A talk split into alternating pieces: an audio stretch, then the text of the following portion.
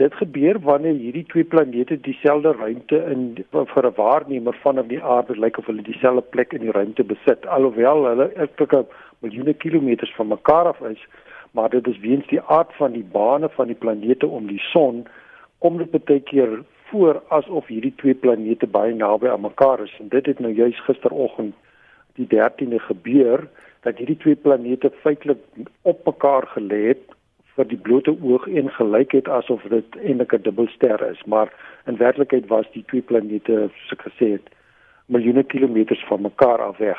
Hoekom kon Suid-Afrikaners nie die sogenaamde ontmoeting sien nie? Ongelukkig vir ons in die suidelike halfrond was hierdie skouspel is dit baie moeilik om te sien want die son kom redelik vroeg op in die oggend alreeds hier so rondom 5:00 is dit al redelik lig en die plat twee planete is baie naby aan die oostelike horison. So wanneer die planete bo kan die horison verskyn, is dit al reeds te helder vir ons om raak te sien. Selfs vir mense in die noordelike halfrond is dit ook 'n uitdaging om dit te sien aangesien hierdie twee planete baie laag op die horison is.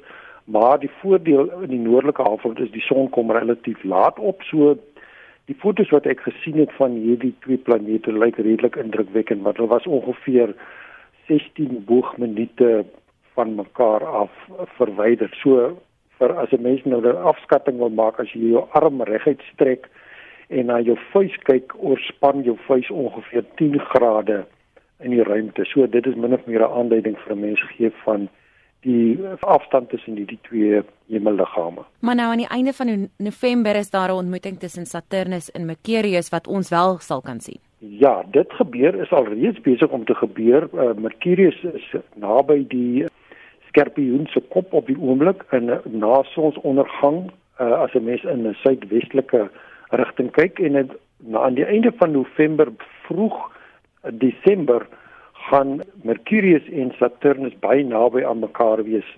Die naaste punt is ongeveer 3 grade van mekaar. So dit is ook steeds iets wat baie maklik raak gesien kan word as 'n mens nou net na sons onder kyk wanneer die son al reeds ondergegaan het, dan is dit 'n skouspel wat baie maklik raak gesien kan word en dis iets wat regtig besonder is.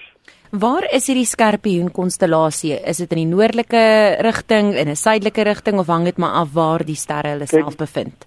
Dit beweeg gedurende die nag, maar dis nooit as, ek sê op een punt wat dit bly vas staan nie maar sonsondergang na sonsondergang in 'n suidwestelike rigting as 'n mens in 'n suidwestelike rigting vanaf die horison opwaarts kyk gaan jy die skorpioen baie maklik raak sien. Die wat uitstaan van die skorpioen is die rooi eh, ster met die naam van Antares wat die oog van die skorpioen genoem word.